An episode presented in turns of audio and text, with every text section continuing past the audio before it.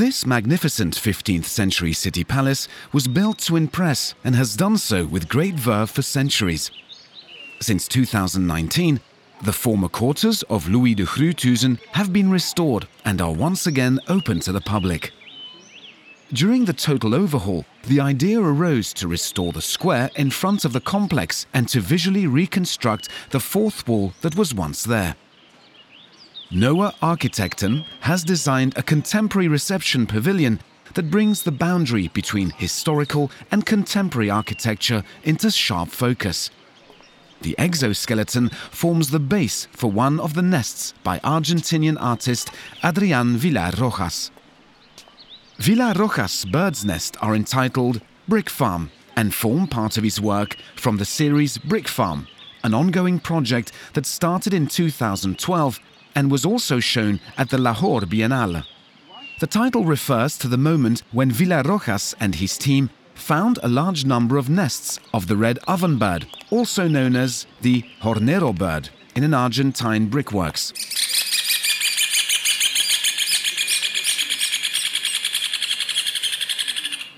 This bird gets its name from the nests it builds using mud, twigs, clay, saliva, and other available materials.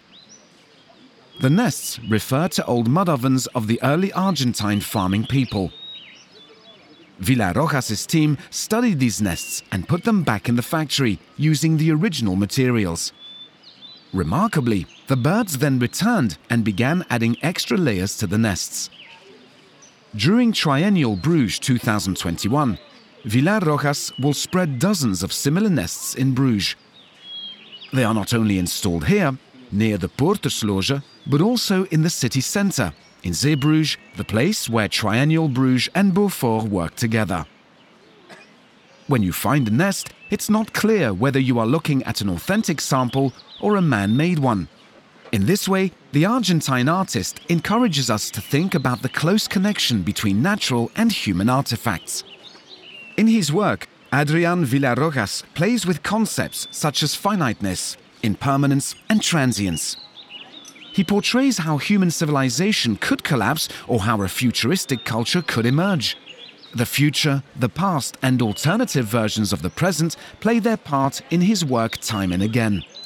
He believes that contemporary art need not be made for eternity. His creations are often destroyed at the end of an exhibition. Sometimes parts of it are also integrated into new creations. Villar Rojas studied visual arts at the University of Rosario in Argentina. Today, he lives and works mostly nomadically. With a team of architects and scientists, he travels around the world. For each new project, he forms a nomadic studio from which his creations are realized. He often refers to the idea of a theatre company.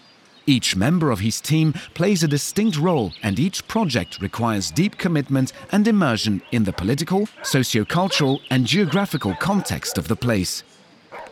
Villar Rojas' team immerses itself in the atmosphere of a place, talks to local residents, plans several site visits, and sometimes even goes to live temporarily in the neighborhood of the specific project.